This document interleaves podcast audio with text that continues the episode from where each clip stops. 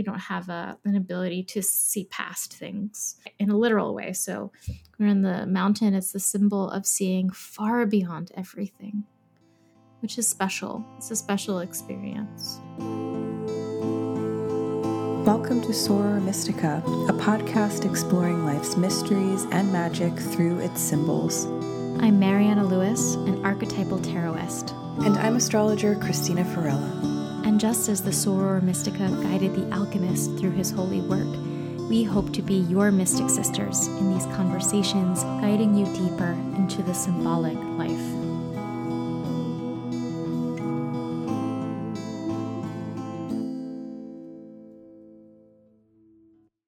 Hi, everyone, and welcome to the 14th episode of Soror Mystica. We are here today to discuss with you the symbol of the mountain. Mm-hmm. And we are getting together to talk about this at a time that is very exciting to me because Mariana has been away on a long trip, pilgrimage trip. Um, in which I found it extremely unbearable that she was now eight hours farther from me than she normally is. And so um, her trip ruined my life, even though we were texting the whole time. And that is why I'm happy that we're recording now because we're back on on this podcast together and everything is correct again. So thank you, Mariana, for doing that. And um, and yeah, welcome back. You're still settling in to your, yeah. your life. I don't know where I am or where I live or who I am or what my name is, but that's all the things. That's okay. That's what happens when you come back from uh, mm-hmm. from a long trip. You're like, why is this my life? How did how did I end up here?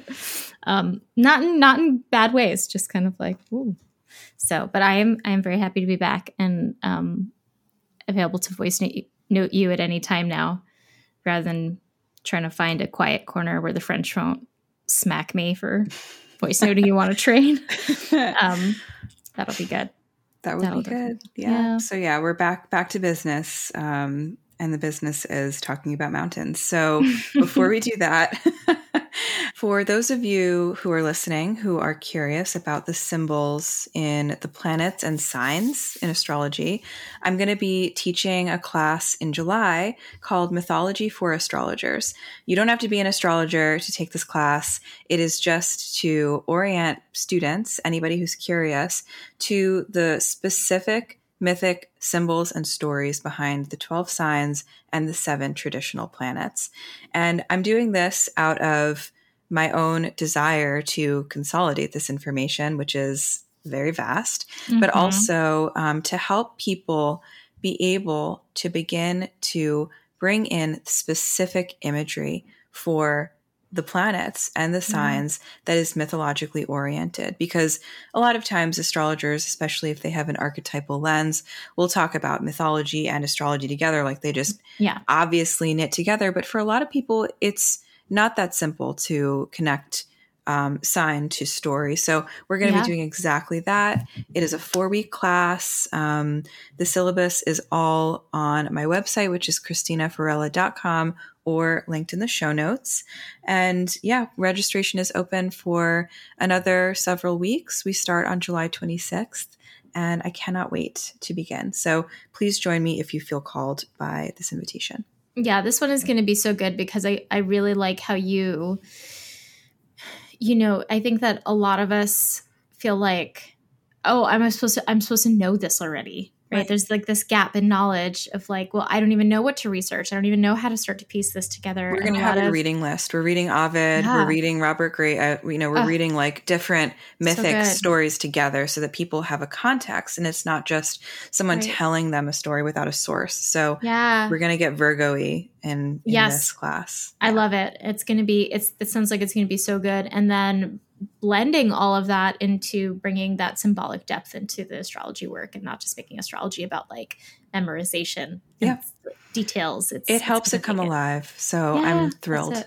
mm-hmm. it's gonna be so good okay great so i would love to know what you're reading or if you feel like sharing this time since you did just have a very mystical trip yeah. sharing like some kind of image or something um, mm. with listeners. Yeah. Yeah. Well, I'm not reading anything new. I did. I did um, have a 28 hour or whatever travel home day where I um, finished the entirety of that book by Cynthia Bourgeault, um, Mary Magdalene, something, something. Don't remember the exact title, but the book about Mary Magdalene.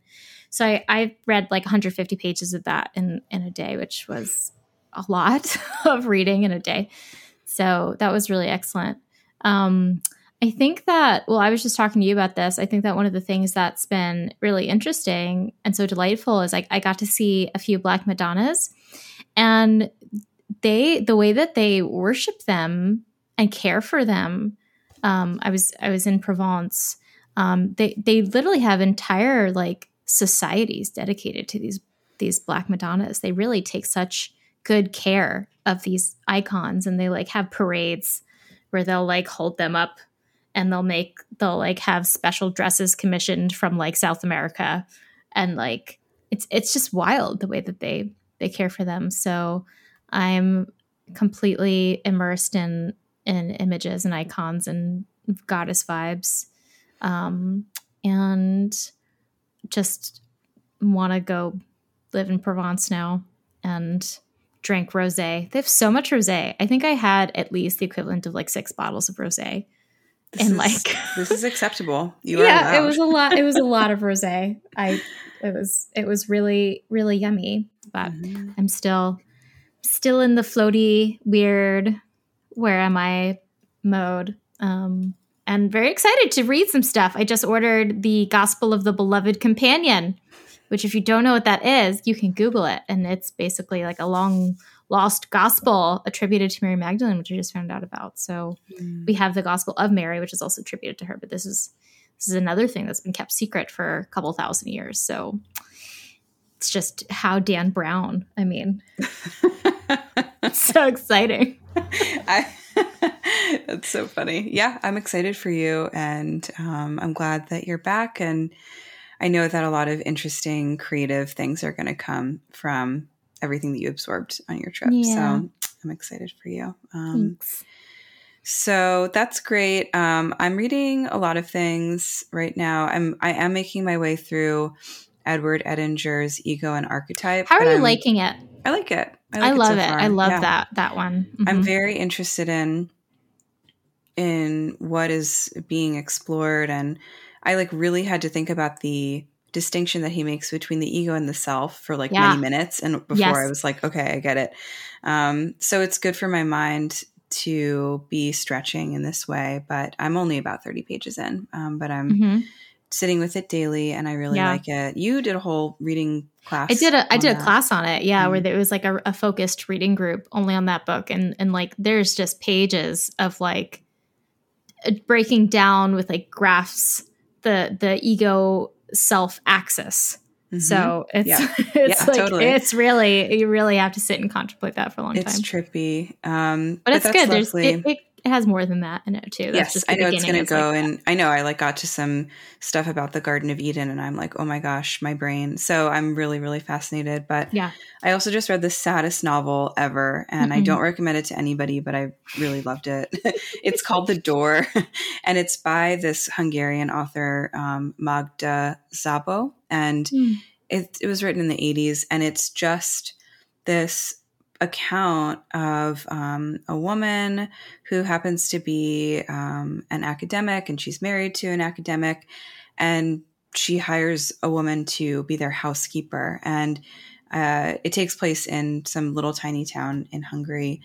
And this woman housekeeper and her just have this insanely intense relationship. And so it's about getting to know this very mysterious seemingly super capable housekeeper woman and then learning about her vulnerabilities and her story mm. and the kind of like just the clashing of like an older woman and a younger woman, but it's not mother daughter relationship. And the ending is just so brutal. And I knew it was going to be brutal because that's what the book told. It said that on the back.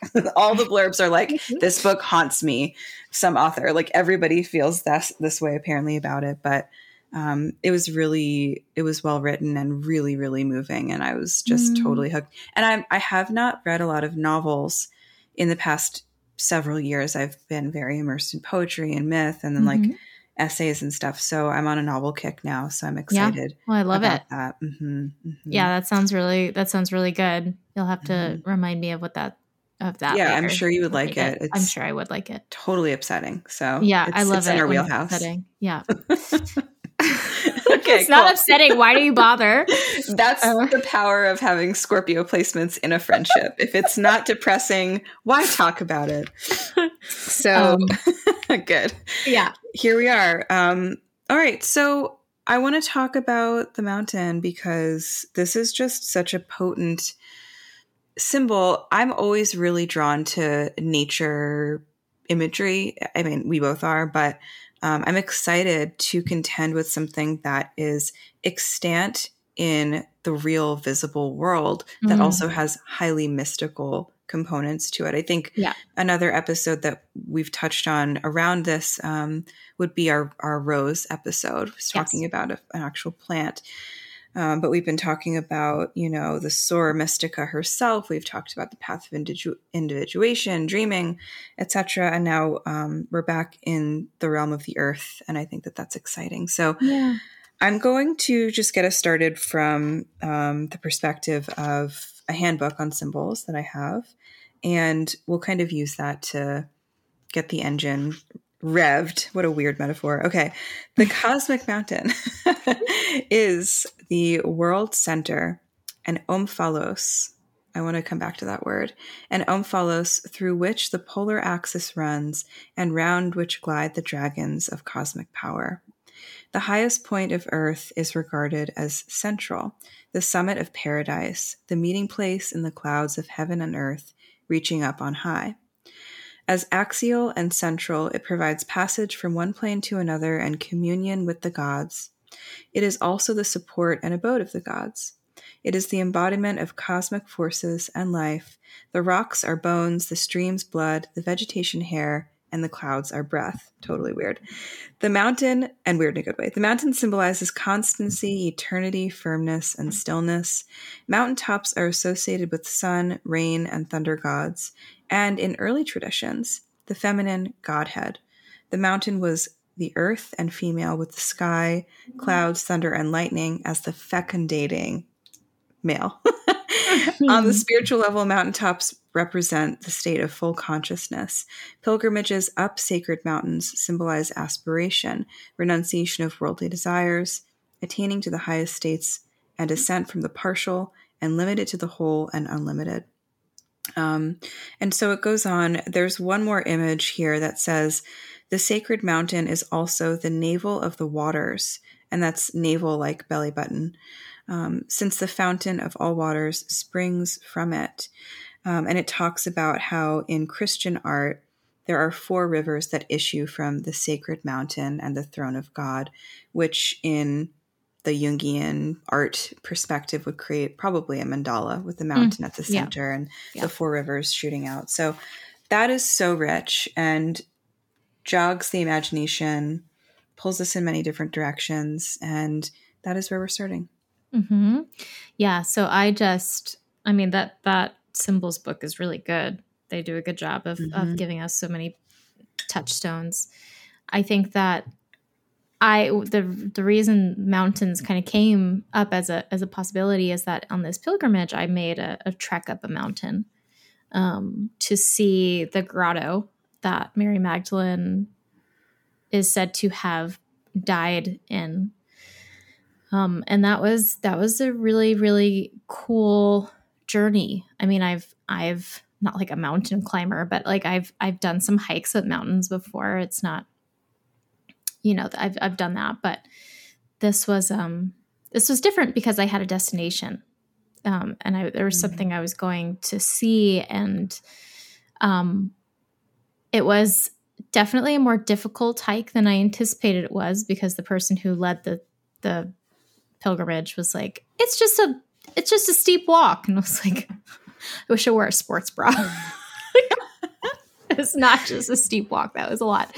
And so it was it was this long hour, hour and a half trek up this mountain. And then this basically there's just this enormous cave that's been turned into a chapel. Um, you know, and and it, it was so exquisite, and you could really feel the the power of this place. Um, and we didn't do this, but then there is another possibility to go even farther up the mountain to the very top, the very peak of it. So after preaching in Provence for however many years, um, she decided to retreat and become a hermit and be- and kind of just spend the rest of her life contemplating God. Um, and so she she went into this into this cave, um, and the way that she was fed was that she apparently climbed to the very peak every day and then the angels lifted her up into heaven and fed her manna and then like dropped her back down on the top of the mountain and then she'd go back to her cave. Um, so we didn't go all the way up there but you could see it as you were like approaching it this little tiny chapel right at the top of this mountain. It was very cool so i think that you know that was something that the symbols book kind of referenced the the journey up the mountain to get the spiritual food or to go to meet the gods. And that is something that is is really significant about the mountain as a symbol is that there is first of all the climb the effort of the climb. We have to kind of get off the base ground and make our way up um, into the realm that belongs to to the the ether right to the godly the godly plane and i don't remember exactly what the route was but the the the guide who was with us said that the name of that chapel that was at the very top of the mountain came from, I think it came from the Provençal word, meaning the liminal space between heaven and earth. And so that was literally what that space was. And so the mountain really does feel like it is that liminal space between the total realm of the gods, where there is no human, and the total realm of the human, where the gods don't really live. They don't really, you know, coexist with humanity on the on the earth itself. Mm. So those are those are the first thoughts in my brain. I love that. And I have a question. So the chapel of Saint Python, is that what you said? Yeah. Does that have like a Python connection? Like how's that spelled? It is spelled I'll look it up for you right now. It's because it's not an actual saint. Mm-hmm. It's like saint as in sacred. Um, yeah. Um, so it was Pilon. Pilon. Okay. P- pilon. P I L O N. Okay. Yeah. So I was wrong about the th. Okay. But never mind. There it is. Okay. Cool. Um, pilon. Yeah. The only reason I asked was because if it's like a you know the word Pythia yeah. oracle or python just the snake. It just has a that oracular quality to it and mary magdalene is like you know. that would have been very cool. Yeah but no. someone saw a snake on the way up the mountain or down the mountain. Isn't that cool very cool? i'm jelly. I yeah. I saw a goddess in a tree though. I'll send you that picture. Oh please do. Thank you. Yeah. She had she had all the all the body parts in the right places. Wow. um yeah so okay this is great. We're we're already tangenting uh, off topic um, okay so i think that um, the idea of the ascent is right so like there are a few different things that co- coexist with mountain as like a symbol or a caveat or a detail there's the ascent there's yeah. the peak the summit and then there's the descent too which can be as difficult as going up i mean you and i walked up a butte here in yeah. my town and that was like for some reason very hard. Because I was there, I'm convinced I make it hard. it was hard. but then, but when you get to the top of a mountain uh, or any high place, you do have this sense of like exhale. Yeah. The air isn't too thin if you're not too high up. And you do have this sense of like, like not omniscience, but like that sort of 360 panoramic view that you get at the top of a high point does yeah. make you feel closer to the divine than to the human realms, which is really, really beautiful. And so, you know, in myth, you know, obviously the most famous mountain is um, the um, Mount Olympus in mm-hmm. Greece. There are many mountains in the world. It's not the only important mountain at all, but it comes up a lot in the stories that I use in my work. And so um, that is an important place. I also think that the um, cave being the place where Mary Magdalene passed away is interesting. I was thinking about how. Um, Orpheus's decapitated head floated down a river and eventually washed up shore up a mountain into a cave where yeah. it prophesied day and night until Apollo made it be quiet. Um, so there's always like there are always these echoing symbols of like the voice of God or the voice of the prophet, the echo probably, mm-hmm. and the cave, the mountain, the summit, all of this stuff. Um, yeah.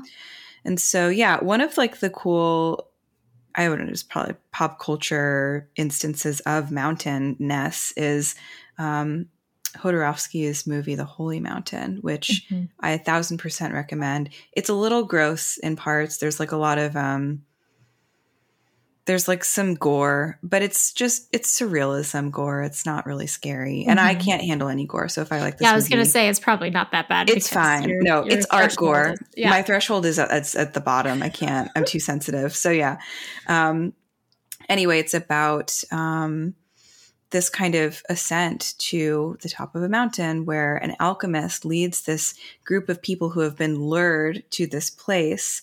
Um, and there are, I think that there are seven of them, and they're each connected to a different planet. And mm. so when we get to know the characters of that film, one of the women is like i am i am from the planet mars and i make artillery. And it's like about her life as this like arms dealer. It's very strange.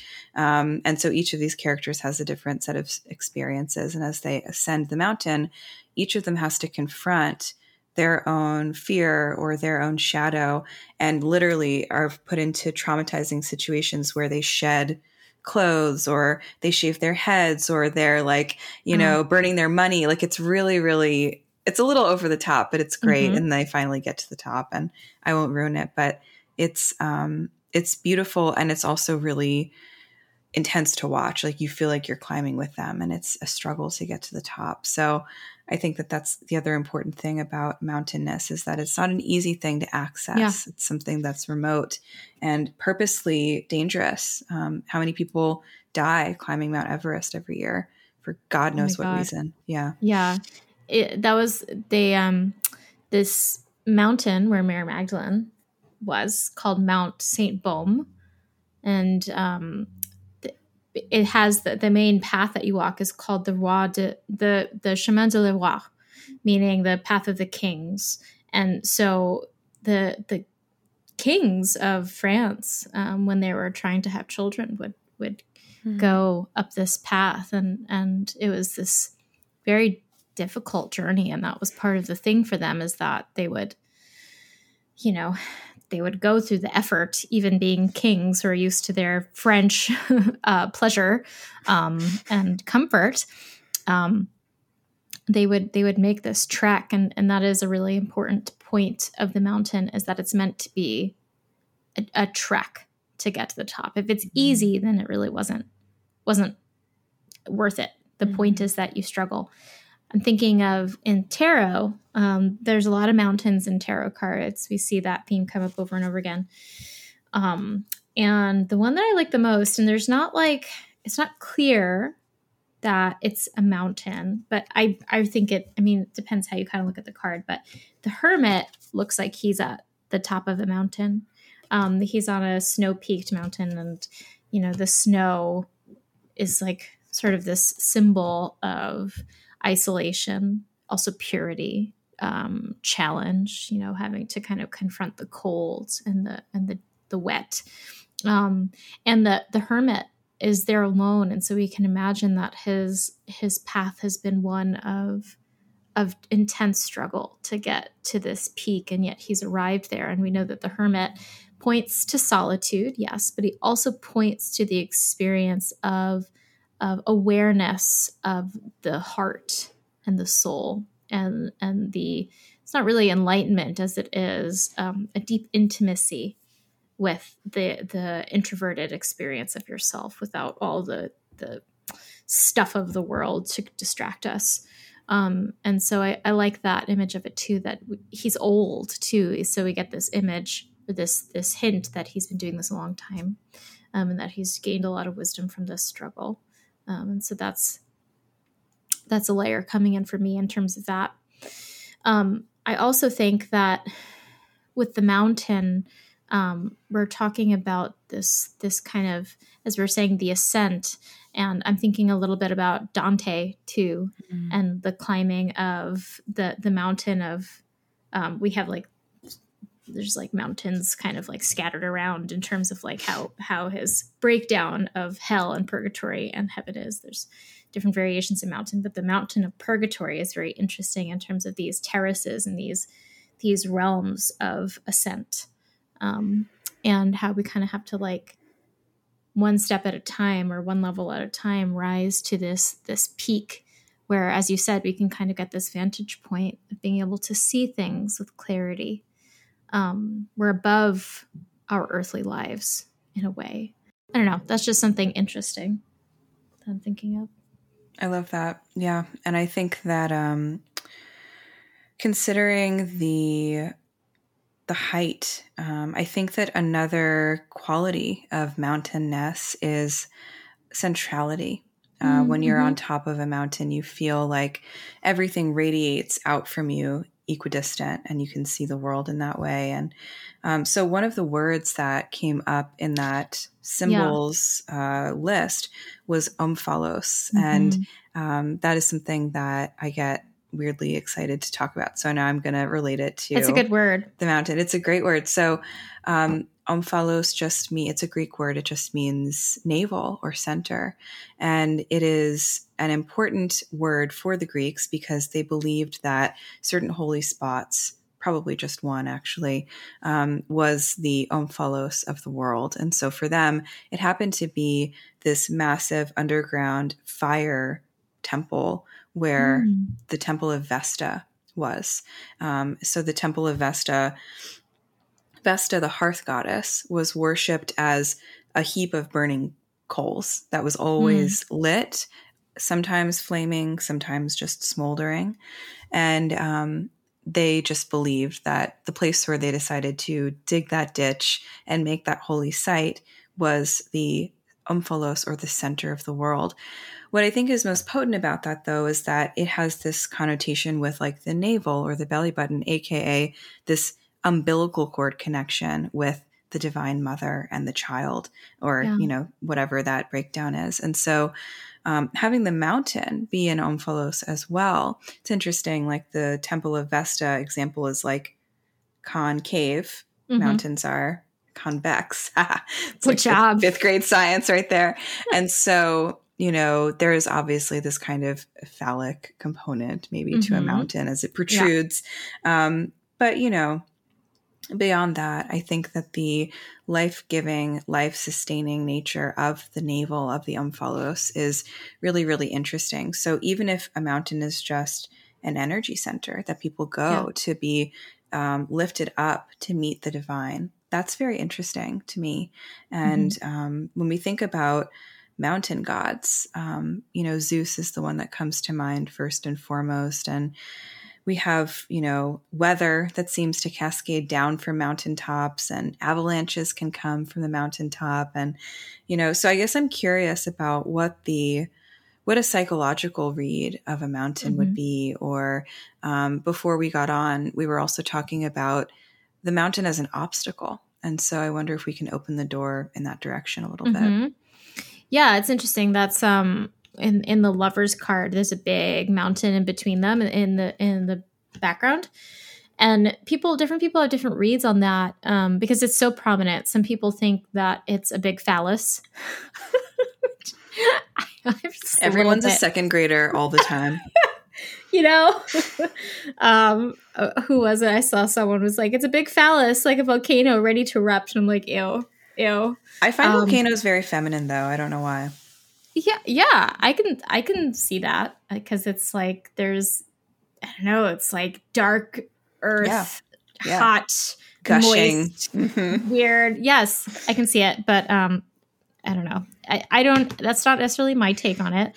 Um I I personally think that the the mountain in the background of the of the lovers card reminds us that this is a path of spiritual enlightenment because that I really do think that that's what the mountain often points us toward.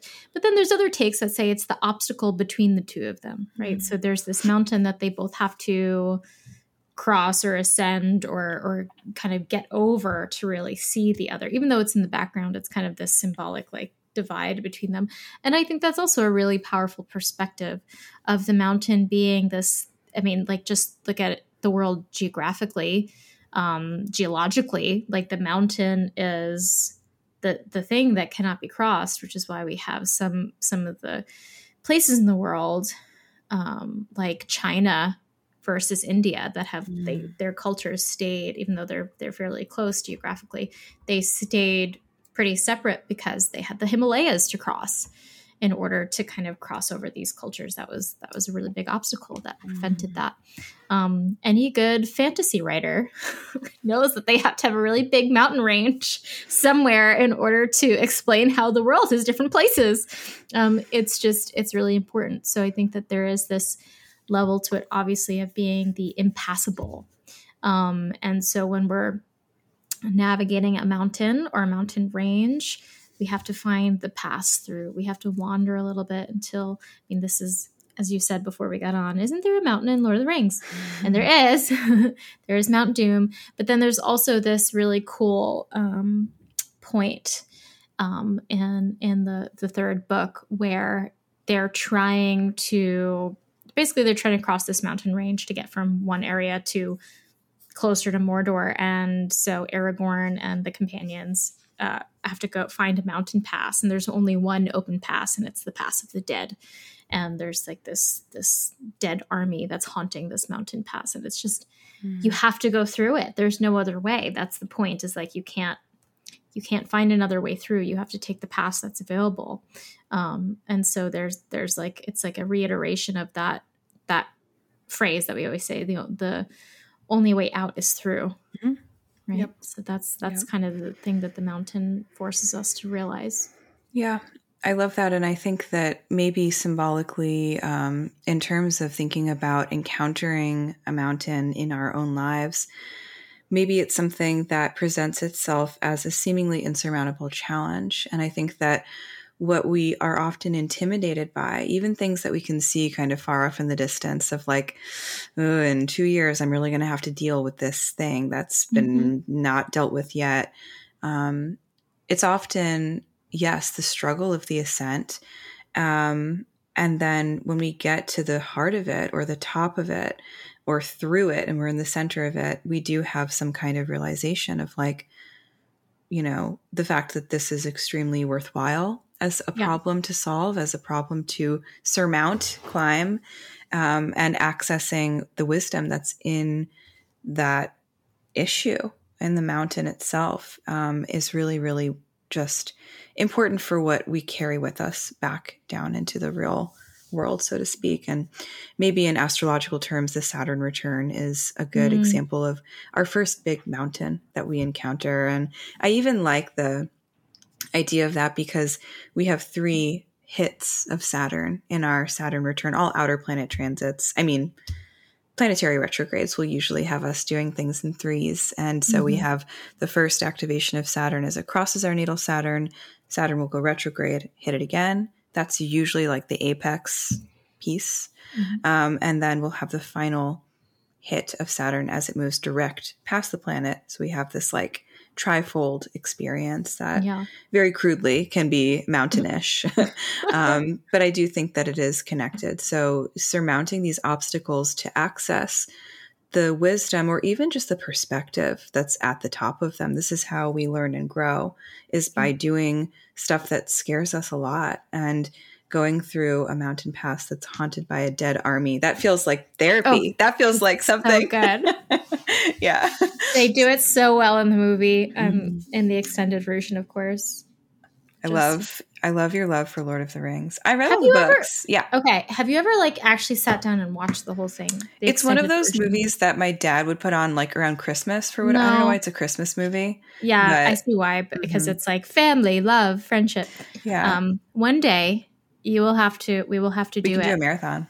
Yeah. Well, my husband and I do it usually once a year, sometimes twice a year, and it's it. Each one is about four and a half hours. The extended. Yeah. Four hours. I've never seen version. an extended one, but we only watch the extended. Yeah. Because because we're serious. serious people. it's so good. I love it. Um, but yes, we will do that one day. We did mm-hmm. that with our other friends one time, and um, they were just like, why are we here? They were very cute and tried to be very supportive, but they fell asleep. Oh, I um, won't fall asleep. Really early. I'll watch it. I promise. Okay. That's very funny. That's okay. Not it's not for everyone. Um, but yeah, I was thinking of um, the idea of the obstacle. I, um, you know, I went to Switzerland last year, and we went to the top of Jungfrau, which mm-hmm. is I think it's supposed to be the tallest mountain in Europe, in the Alps. Um, and um, when you get to the top of it, it's kind of wild because, like, I mean, I'm on on the East Coast here in New York, and we have mountain ranges, but mm. they're they're you know they're not much in terms of like you see them and you could very easily kind of do a hike that goes up there and and it's it's not that it's not that arduous so that there is this kind of like getting over especially if you're in like the hudson valley or something you end up having to drive really high up in these mm-hmm. mountain paths or in the catskills or something and it's it, you can get through it but when i went there there was this thing of like, oh no, there is no there is no getting over this mountain. Mm-hmm. This mountain is enormous. And so I was thinking of Jung, I know like saw this mountain and interacted with this mountain since it was in the his country that he lived. Um, and he believed that the mountain symbolized the essence of God. Mm. That when we are encountering the mountain, we are encountering the closest thing that we have on this earthly plane to what God is. Um, God meaning simply the divine experience, right? The experience of something bigger than us.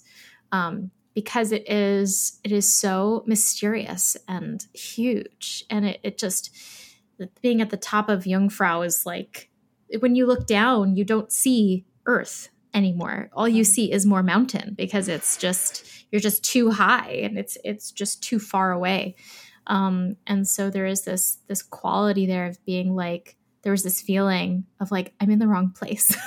Mm. don't belong here. Like this is this is beyond what i'm supposed to be able to see with my human eyes. And so it does really lend um lend it does offer this quality of surpassing the mortal experience and giving us as you were saying when we went like to the to the top of the butte you know giving us this perspective that allows us to zoom way out of our very limited human brain mm. um, that can only see things from this plane of what's right in front of me. Like we don't have any we don't have a, an ability to see past things in a literal way in a literal way. So we're in the mountain. It's the symbol of seeing far beyond everything mm. which is special. It's a special experience. Yeah totally. It is special and i think that it's something that's captivated artists for ages, obviously, and humans in general. And, you know, I think that in terms of going out to meet God, um, one thing that I think of, and I don't really know if this was a God experience for him, but um, the painter Paul Cézanne painted mm-hmm. Mont Sainte-Victoire, which is a mountain in Provence where you just were. Mm-hmm. Um, 250 times or mm-hmm. more. And he was just famous for every single day doing the same thing, going out into the fields in the hot Provençal sun mm-hmm. and trying to get different views of this mountain. And you can tell if you're looking at a Cézanne version of Mont Sainte-Victoire in a museum, he would like overpaint when he would get frustrated. And so some of the mountains are very black in terms of their mm. pigmentation. Um, and it's not because they're old or got dirty or something or burned. Like mm-hmm. they do look like they're singed, but he would just like keep working it and keep working it. And it's really interesting to think about um, the obsession with the mountain mm-hmm. and what was the mountain holding for him. And, you know, Cezanne obviously launched all of modernist painting by being one of the first people to render forms of nature into geometric forms that were, mm-hmm. you know, probably part of a sacred language that's just more ancient, um, yeah. more essential. And so I'm sure that I can dig up a good Cezanne quote on Mont Sainte-Victoire, but, mm-hmm. um, you know, we say that he painted it 250 times, but probably more because. I think, yeah, I think yeah. they said, um, because when we were on the bus driving, yeah, they told hotel, you it was there and it's very beautiful. It's actually quite white.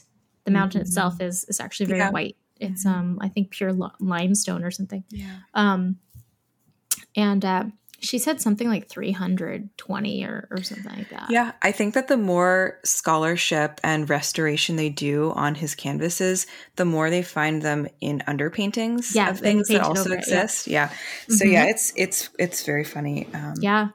Yeah. It's it was very they really love Cezanne in Provence, obviously. Yeah. They talk about him a lot. Um, and there's uh on that that drive from where they picked us up to to the uh the hotel there's the stretch of the highway that they call like Cezanne's Road or something mm-hmm. because um, before it was a highway, he probably it was, walked there. He walked yeah. that path every day, and he would like. Um, our guide said that he he especially with the mountain, he never would, you know, start the sketch or whatever and bring it back to the studio and finish it. He mm-hmm. had to do it.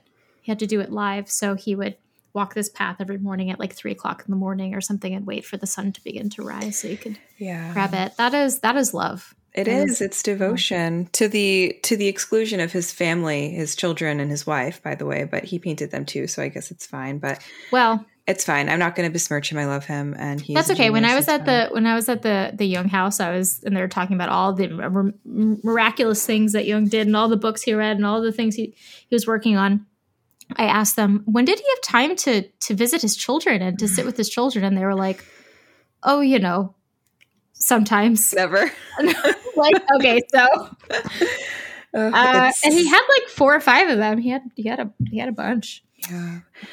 The that's fascinating. Um, thinking too of the mountain as something that we visit regularly and thinking mm-hmm. about like the chapel of Mary Magdalene, yeah. you know, having caves um, and sacred places kind of in the interior of the mountain is really interesting to me. And mm-hmm. also, I'm pretty sure that at least in some medieval fairy tales that I cannot remember, there's like gold and dragons inside oh, yeah. of mountains. In the base of the mountain. Yeah. Right? Yeah. I mean, they have that. Um, that's the whole dwarf.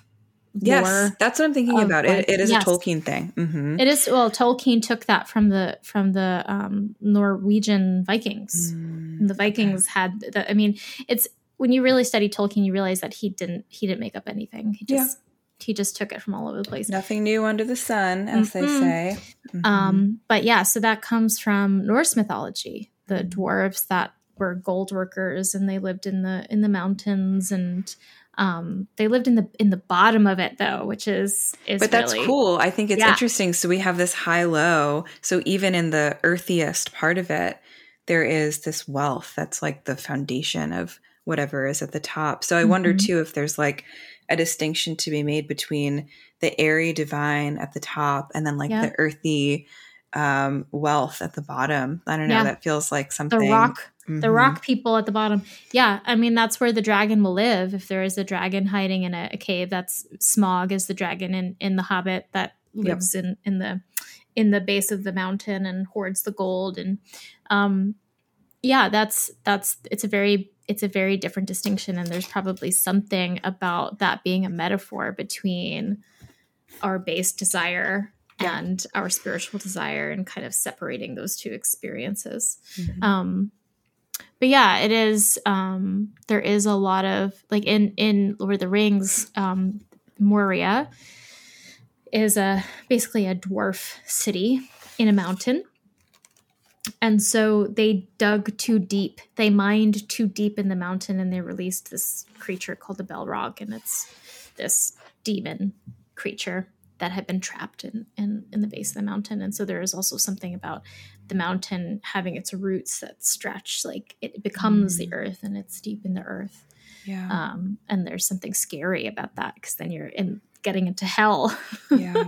um, yeah, I'm getting spooked. I need to stop talking about hell. That's good. So yeah, no hell, no hell today, tomorrow. Um, no, I love that the the depth. I think is so um, is so important as well. We think about height when we think about mountains, but one of the mm-hmm. words that came up in that symbols kind of you know um, paragraph that I shared at the beginning was the idea of stillness and firmness, yeah. and yeah. I do think that. Um, there is this obviously I yeah, isn't that a phrase that people say like if I could move mountains for you, I would or mm-hmm. something like that. It's an yes. impossible task unless it's an act of nature or God that there's like an avalanche or some kind of earthquake that opens a mountain yeah. up. But there But even this, so, they're yeah. immortal. Yes. And so the place where we go to have this ascent is a place of great danger, but it is also essentially still and firm and ready to kind of help us maybe reach mm-hmm. that higher place of awareness and connection with the divine. Um, yeah, mm-hmm. that's that is the thing about about mountains that's unique to every. It's distinct from every other feature of the earth is that it does not change. I mean, forests change, obviously, seas change, the the the ground changes, um, everything shifts, but mountains, they don't. Yeah, they don't even. They don't even. It's not even like they grow either. It's not like you know over time they somehow accumulate taller. Like that's it's not possible. They're well, they're aren't they created from a pushing up of mm-hmm. tectonic mm-hmm. plates, right? Mm-hmm. Yep. Yeah. But then they're kind of like as is once yeah. that once that's kind of complete. Um, that was one of the crazy things about the mountains in Provence is that I have to do some research about how how it happened, but they literally look like uh, they just kind of these two plates slammed into each other and just one side of it got thrust mm. upward and because the when it, it literally looks like someone took a paintbrush and just drew a straight line across the sky and then just filled it in down Weird. because it's it's just straight. There's no peaks. These mountains are just these very very straight kind of and then there's like little spots where maybe it'll be a bit more jagged and a bit higher but mm. never seen mountains like that before and it was crazy and we were, surrounded by them on all sides when we were like drive to whatever place we were going to and, yeah. and that was really special too um, to feel like there's something wild and rugged about the earth that's untouchable um, by our stupid human hands. Um, that, that, was cool to see because you know, I mean, I live in the dumb city, so I'm like, I don't know, I just get very excited about a mountain. It excites me to see one. I get like all you and everybody else in history. I mean, yeah. there's so many, you know, stories about mountains that are important to us. And um, when I was thinking about like art history examples, I was thinking again of um, Vasily Kandinsky and his mm-hmm. Blaue Reiter school, um, mm-hmm. which is the Blue Rider. And they were these, um, you know, post impressionist. They called themselves the Fauves uh, in some of their writings, or they were just like people who were wild men and they were painting nature and communing with God. But there are many important paintings um, of people riding horses climbing a mountain. Um, Marc Chagall, also um, adjacent to this group, painted the Blue Mountain um, many times, and so there's just like in in so much of art, and those actually, I should finish that thought. Those artists, in particular, the circle around Kandinsky was very interested in God and spirituality mm-hmm. from a mm-hmm. mystical standpoint. They weren't Christian; they were like reconnecting with nature in a way that was breaking from the kind of norms and expectations of um, the developing world. And so um, that is, you know, when I think about mountains in art history, I think of Cezanne first, and then I think mm-hmm. of Kandinsky and his pals second. I'm sure there are many other examples. Um, Picasso and Braque also painted many mountains, and you know, whatever. Everyone loves mountains, so mm-hmm. it's fine. Everyone but, loves mountains. but it is because of what it symbolizes that that the visible representation of something that is so big. It's kind of like standing in front of the ocean or standing mm-hmm. in front of a mm-hmm. very old tree or a very old forest or something like that. Um, that expanse is what is most intimidating and most inspiring at the same time. So we feel our smallness, but we can also see it. So it's it's it's special, I think. Yeah, I think that that's beautifully put, and that's kind of like we've had a, a really good conversation of kind of wandering around and, and just plumbing what's possible, talking about mountains. And I think what sounds like we're settling on, at least between us, is that it is the visual representation representation of what is untouchable and unmasterable in in human life um, and that is it is this kind of image of the hugeness of the world and that in some way that is God or some way that is the divine experience of kind of touching in with this hugeness.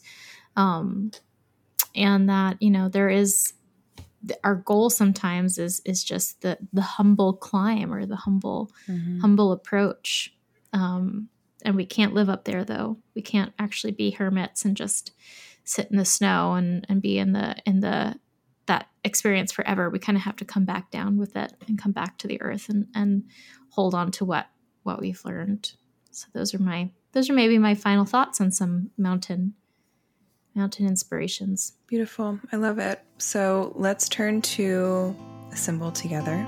Yes.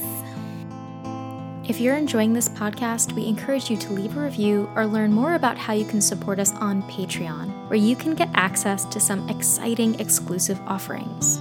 Or you can connect with us by sharing a symbolic experience, whether from a dream or synchronicity, for us to explore on the show.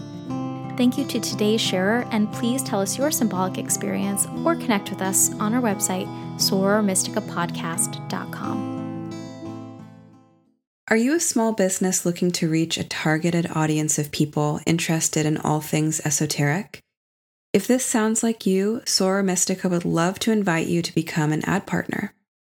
We offer a highly tailored audience of mindful, curious, depth seeking listeners, and we would be delighted to showcase your business and offerings to new hearts and new minds. Simply fill out an advertiser application form at our website, linked in the show notes below, or navigate to sorormysticapodcast.com forward slash advertise with us.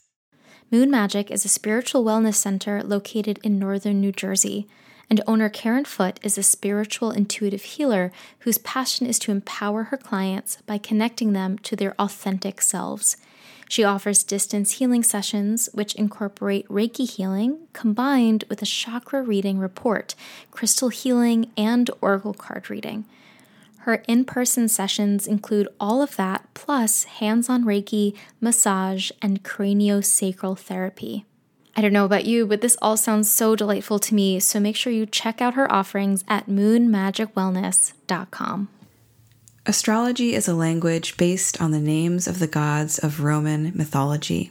We often are encouraged to bring a mythic perspective to astrology as we take the names of the planets to represent their god forms, but it can be really daunting to know where to turn, what stories are important, what images pertain to each of these figures, and how do we weave that into an astrology reading, which is already quite complex. Join me beginning July 26th for a new class called Mythology for Astrologers, which will be a four week immersion into the exact stories, images, and sacred symbols of the 12 signs of the zodiac and the seven traditional planets of your natal chart. You can find all information about registering for this course in the link in our show notes, and I can't wait to see you in class.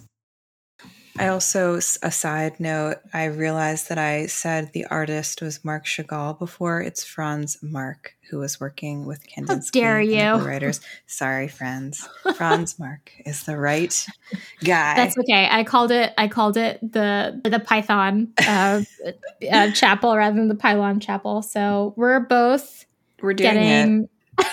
We're, we're it. both we're both getting things slightly off and then correcting ourselves, so we're forgiven by the world. We're trying. Okay, so here's our listener symbol. And this comes as a uh, dream narration.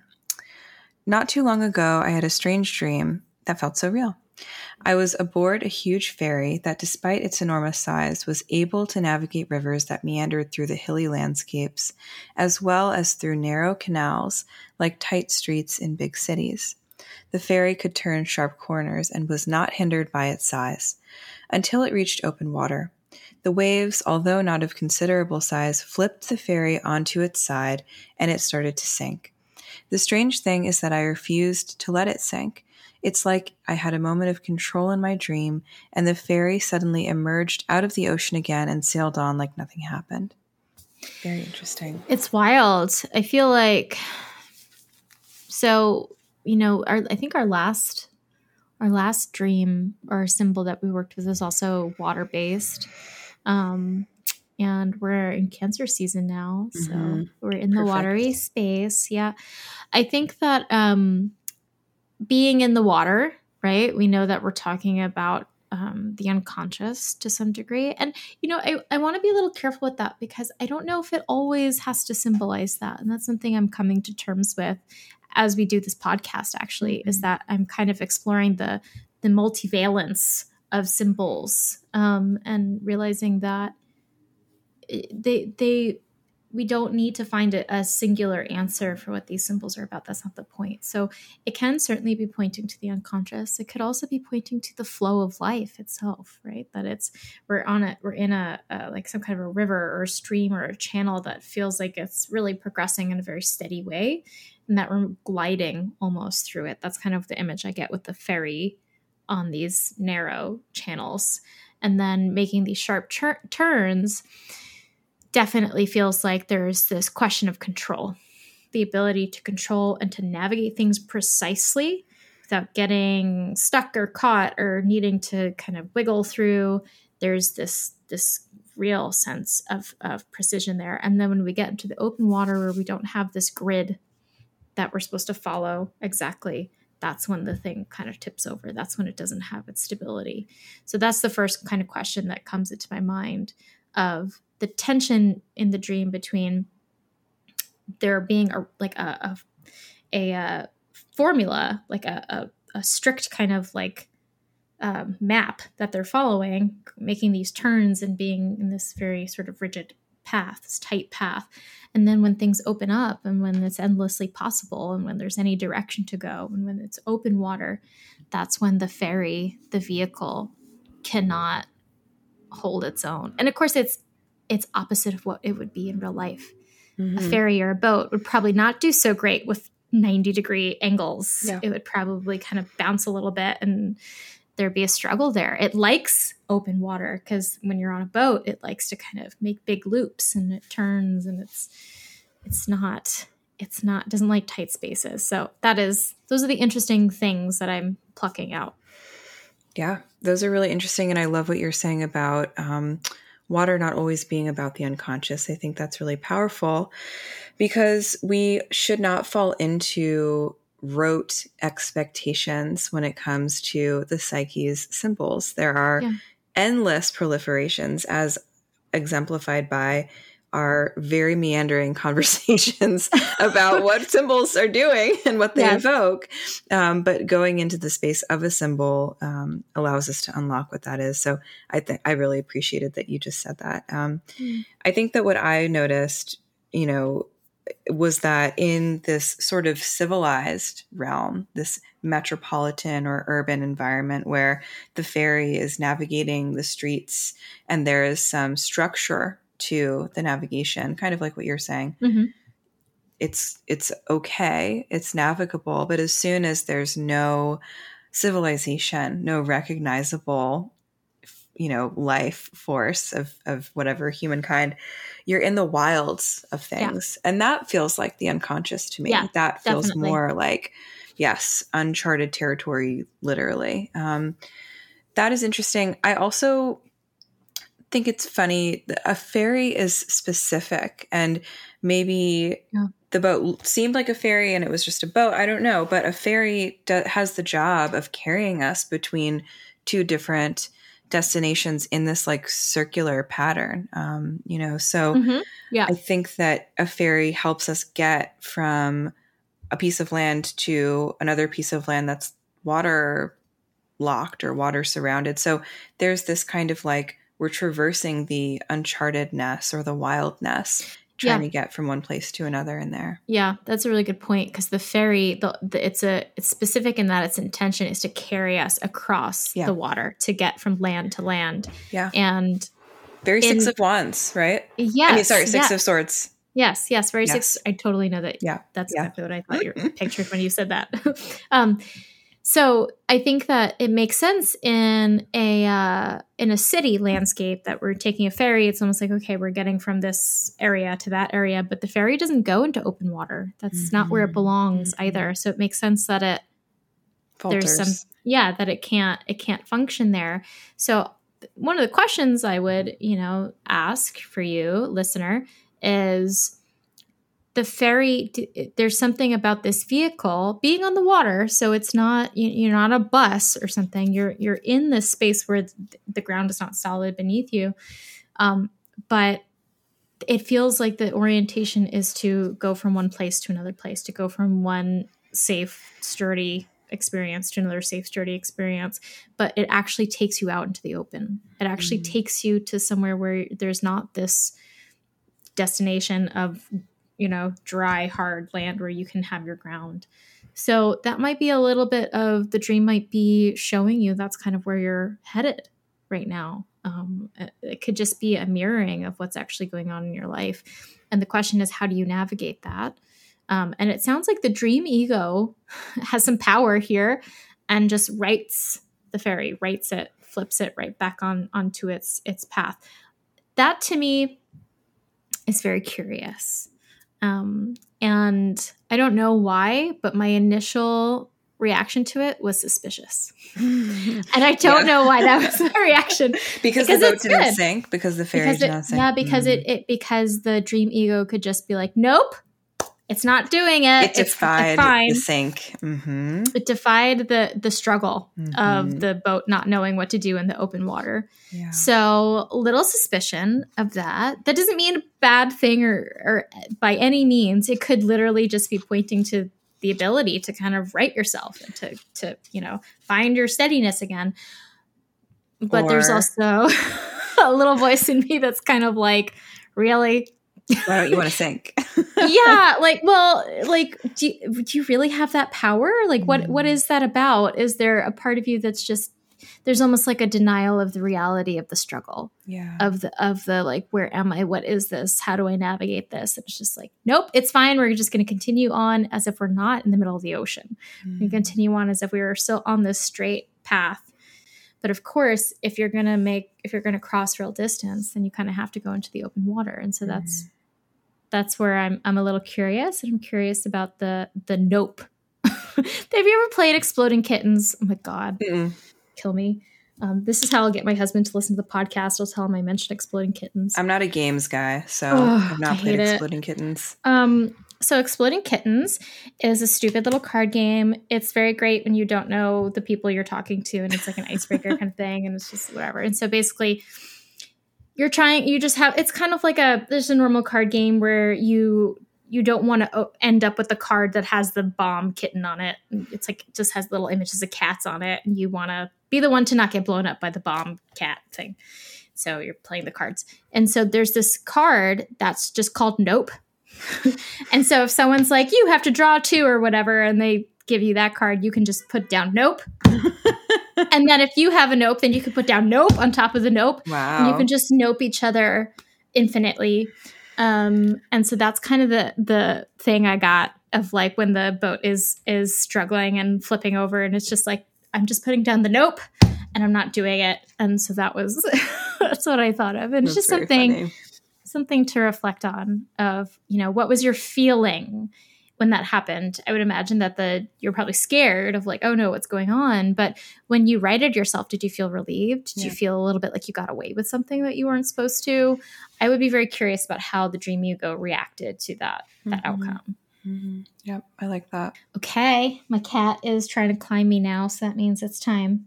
Um okay enough enough. She's been good. No it's mowgli, it's mowgli. he's been good. Yeah he's he's not been so great he took two seconds to remember who I was when I got back, then immediately bit me. And I was like, "Remember that, mom?" he love bites, and it's not nice. It's not nice. very cute. Um, yes. So I think we've had a very successful meandering of mountains. Mm-hmm. Good um, hike. We've, we've, yes, we did a great hike. We crossed some mountain paths. Um, we we moved through some obstacles and ascended to heaven. Good. we got there. Wonderful. Okay, so absolutely check out Cristina's class um, and leave us a review on Spotify or Apple Podcasts or wherever you listen. Um, and uh, you can also definitely check out our Patreon um, and support us or get some goodies. And we will see you next time. Thank you for joining us in our conversation today. Please consider supporting the podcast by leaving a review and following Soror Mystica wherever you listen. You can also become a more active supporter and a member of the Soror Mystica community by joining our Patreon. If you have a symbolic experience that you'd like to share with us for the podcast, you can tell us all about it at sorormysticapodcast.com. The music for this podcast is written and performed by me, Mariana Louis, with special thanks to Stefan Louis. You can connect with both Cristina and myself on Instagram and get to know our work by clicking on the links in the show notes. As the alchemical motto goes, as above, so below, as within, so without. May this ancient wisdom continue to guide you deeper. Until next time, take good care.